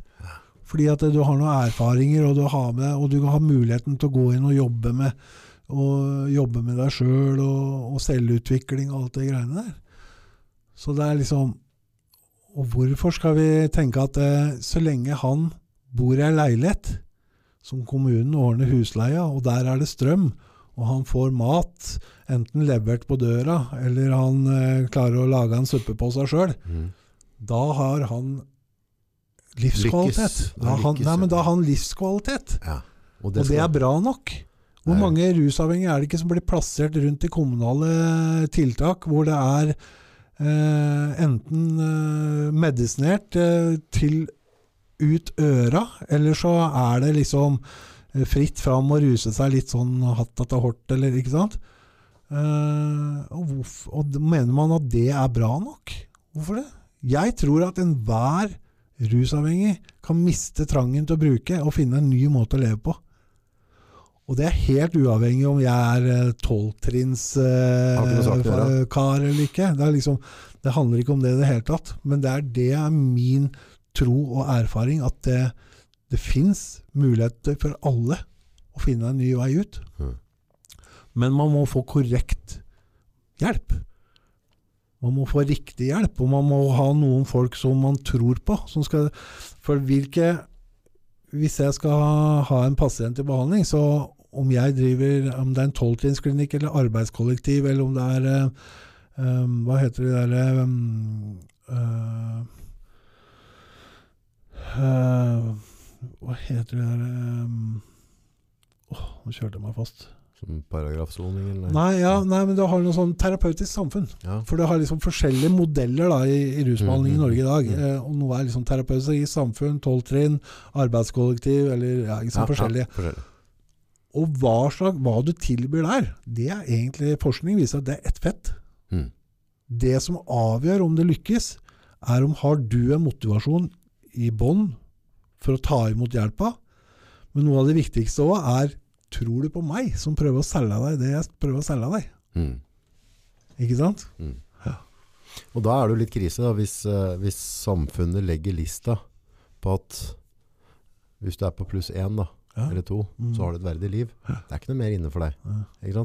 Altså, hvis da på en måte støtteapparatet Mm. stopper der Mm. på at du klarer å koke Mm. tomatsuppe Mm. og, og oppføre deg noenlunde pent i den Mm. leiligheta, ikke blir bli kastet til naboa, Mm. så er vi happy. Det er jo galskap å stoppe Ja, der. Det er det. Men for noen så er kanskje den reelle lista der. Ja. Og for noen som kanskje har drevet på i x antall år, 20-30-40, som er liksom eh, mann i 50-60 eller et eller annet. Mm. Altså, jeg sier at det, det fins noen som er liksom eh, Man har dratt det så langt at det, på mange måter så er lista litt der. Mm. Men eh, er det dermed sagt at det gjelder alle andre? Er det dermed sagt at det gjelder eh, Det gjaldt jo ikke deg, da. Nei, det gjorde det ikke. Det Jeg var 30 Mm. da jeg ble rusfri. Men jeg traff rett sted til rett tid. Og var kjempeheldig med det. Eh, og nå har det blitt eh, 15 år, da. Ikke sant? Deft. 15 og et halvt år. Ja.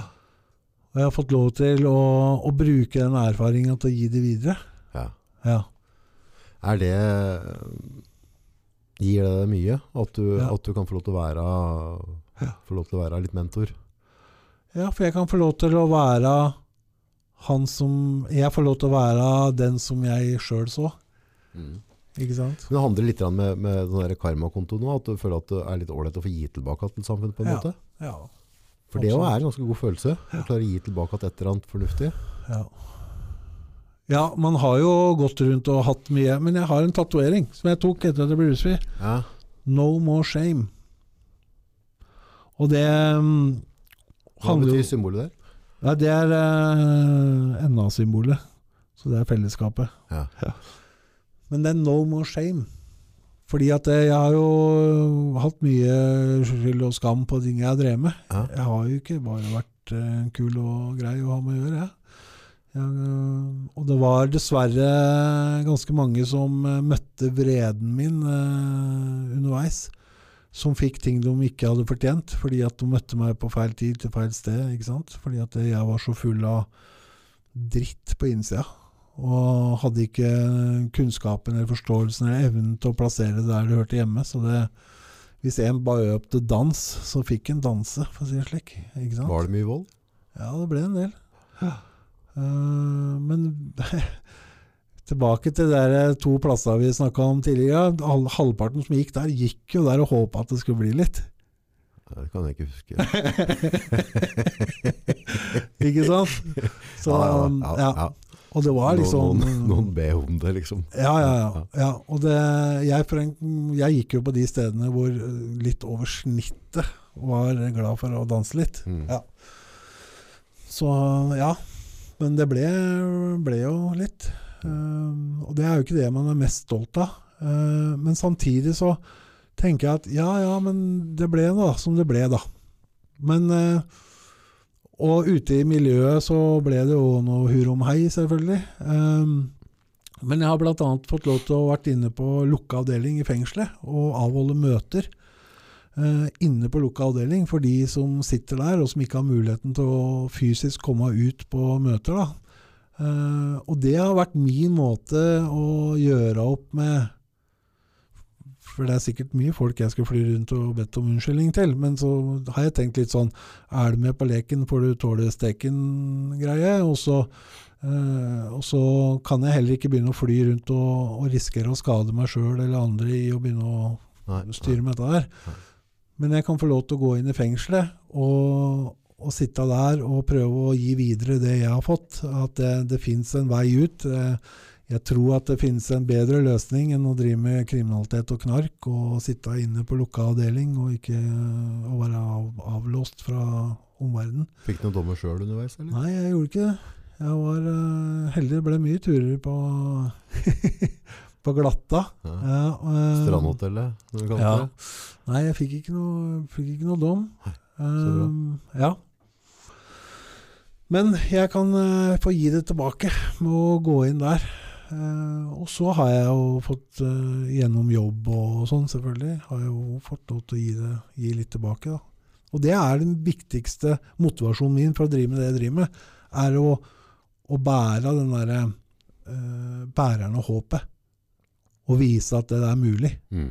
Uh, se på meg, se på min historie. Jeg forteller deg hvordan det har vært og hva jeg har gått gjennom og alt, liksom. Men jeg står her i dag og har et liv som er på stell. Mm. Jeg har eh, bygd opp igjen relasjoner i livet mitt. Jeg har god relasjon til familie og venner, og jeg har jobb, og jeg har eh, hus og gjeld og Ikke sant? Og Det er jo en direkte konsekvens av at jeg har tatt noen gode valg da, underveis. Og at jeg har fått god veiledning og støtte underveis til å ta de valga. Mm. Så jeg har jo hele tida hatt uh, noen som har hatt lengre rusfri tid enn meg, som har uh, veileda meg da, underveis. Og det er liksom en fin måte å trygge på. Og så har vi har nettverket mitt vært gamle banditter, da. Ja. Men som har blitt rusfri. Ikke sant? Og det fellesskapet der har betydd mye for meg. Um, og vi uh, har mye felles interesser, da. Um, å reise på skikjøring og uh, vi reiser på treff og konventer rundt omkring i Norge og utlandet og sånn. Og det er liksom, ja. Og kan gjøre deg å være helt trygg på at det ikke blir noe Det er ingen som blir arrestert i kveld, liksom. Ja, Det går bra. ja det går fint. mm. Nei, det er um, Det blir et liv av det. Ja. Så er det litt sånn der, som du prater på, altså, du, du har tatt mye riktig valg. Og det er liksom noe, må du huske på det også, for det, selv om på en måte du, at du er, har vært et produkt Mm. av mange ting, Ja. så, så tar han jo mange dårlige valg underveis også, men hvis han kan ta Ja. dårlige valg, så kan han også ta gode valg, og det er kanskje det du... Jeg har tatt fryktelig mye dårlige valg de siste 15 åra, ja. Ja. Jo, jo, jo. Men de har ikke, men de har ikke fått det samme konsekvenser. Nei, men det er jo det du kan vise liksom, til folk også, at, at, at du, du har vært den som har gjort mye Mm. dårlige valg, Mm. og så har du faktisk klart å snu det over til å gjøre gode valg som gjør at du... Ja. Og så er jeg fortsatt ikke feilfri, ikke sant. Nei, ingen er det. Uh, men jeg har tatt bort rusmidler som tar det Hjelp en del. Ja, hjelp, hjelp en smule. Ja. Men det verste konsekvenser blir borte. Men så kan jeg fortsatt slite med følelsesregulering og, og frykt og alt det der greiene der. Og så, og så spiller det seg ut i livet mitt på alle mulige merkelige måter. ikke sant? For eksempel hvis jeg kan sitte og spise tre middager i løpet av en kveld, så handler det ikke om at jeg er så fryktelig sulten. Nei. Men det, kanskje det er noe som jeg ikke tar ansvar i, da. Og så flykter jeg litt mat. Ja. for det er liksom ja, det som funker. Så det forklarer jo noe. Bamsen. Du, Mm. kunne,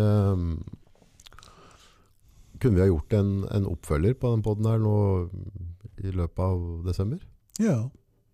For det, det er så mye mer jeg ønsker å gå inn på her ja, nå. ja. Eh, men uh, vært, Jeg har jo ikke vært i nærheten av politikk. Nei, det har vi heller ikke. Men det har vært jævlig, ja, men det, det har vært jævlig fett Mm. hvis vi kunne rom, altså etter kjørt en oppfølger her nå. For Ja. jeg har et tonn med Mm. ting jeg ønsker å prate om. Og du har liksom vært borti noen ting nå i dag Mm. Som, som helt klart har fått meg til å se ting på en annen måte. Mm. Uh, og jeg, jeg møter jo masse, masse altså det, det er det som er så herlig med pod. Jeg Mm. møter jo så mye fine folk. Mm. Uh, og så får jeg se ting fra en helt annen side, som ikke jeg på en måte har et register på ennå. Mm. Eh, men, men jeg merker jo at det liksom, du har jævla mye jeg ønsker å lytte mer til, og det er jeg helt sikker på at lytterne våre ønsker òg. Ja, og jeg, jeg er jo Hva heter det når du har digresjons... uh, farmann? Jeg har en tendens til å spore litt hit og dit, men det er liksom litt sånn det er. Fordi at det, Er ikke er livet sånn, da? Jo, men også ting henger, uh, henger så sammen. Og ting er Og noen ganger så er det så tilfeldig hvordan ting blir. Altså sånn eh, ja. Altså um, Det kan bare- være et møte det, underveis. Så Mm. møter man en person. For eksempel, ta det um, eksempelet her nå. Når jeg kom, står på, den, uh, på det tunet, på det kollektivet Mm, oppe i Trøndelagen der, mm, og så møter jeg disse gutta. mm, Og så blir jeg med dem mm, på et møte. mm. Ja. Hvordan hadde det gått hvis, det ikke hvis jeg ikke hadde møtt dem, og så hadde jeg blitt med disse andre, fordi det er mange av dem jeg var med der, som, som valgte en annen vei. Mm. Som valgte å gå ut igjen og skulle prøve å leve normalt og drikke eh, balansert. Og, ikke sant? Mm. Det er mange av dem som ikke lever i dag. Da, Mm. ikke sant? Så det er så mye tilfeldigheter underveis. Da. Nå er jo dette sånn kjempeavgjørende, men, Mm. Mm. men mange ganger så er det jo, møter man jo folk underveis som gjør at man tilfeldigvis blir med litt dit eller litt dit, og så får det Når man ser tilbake, så bare Å ja, det ble faktisk et ganske avgjørende øyeblikk i livet mitt, liksom. Så, Det er små valga Ja. som blir jævlig svære. ja. Det er liksom sette meg det bilen nå, eller sette meg ikke også. Ja, det er Mm. Jeg er sånn der eh, oppriktig sånn superglad for at vi, vi fikk møtes nå og prate. Mm. Eh, Det betydde veldig veldig mye for meg, og det er jeg helt sikker vi gjør for lyttere òg. Mm. og så på neste runde så tenker jeg at vi går litt inn i hva du driver med nå, og Ja. hvordan du ser på det, og så, og så, så klart avsporingene. Og så har du noen planer for framtida Mm. som, uh, som jeg har jævlig lyst til å dele med lytterne. Ja. Vi prata litt om før podden, så får dere vente til neste. Ja, Men det er, noe, det er noen planer her som, uh, Mm. som absolutt veldig mange av oss kan være delaktig i, i det prosjektet, tenker jeg. Ja. Det, vi, kan, vi kan si det sånn. Ikke sant? Og så driver jeg og tar noen valg nå som gjør at jeg får fryktelig mye andre muligheter og valg seinere. Ja. Så det er spennende. Det blir spennende. Mm. Husk på å slenge på en tommel. Skriv inn kommentar, still spørsmål. Altså bare, bare heng på i feltet her. Mm. Det er, den, eh, det er det eneste takka vi trenger. Ja. At folk deler litt, og, og på en Ja. måte hvis du mener at, eh, at det som kommer fra deg er fornuftig. Mm. Og jaggu skal være ufornuftig, så vi ikke mener det. Det er, Så, ja. Men uh, sosiale medier styres nå en gang sånn. At hvis folk gir en tommel og deler og Mm. kommenterer, så, så sprer vi det videre. Mm. Du, jeg gleder meg som unge til neste runde. Jeg er klar. Tusen, tusen takk. Bare hyggelig. Setter pris. Sjøl takk.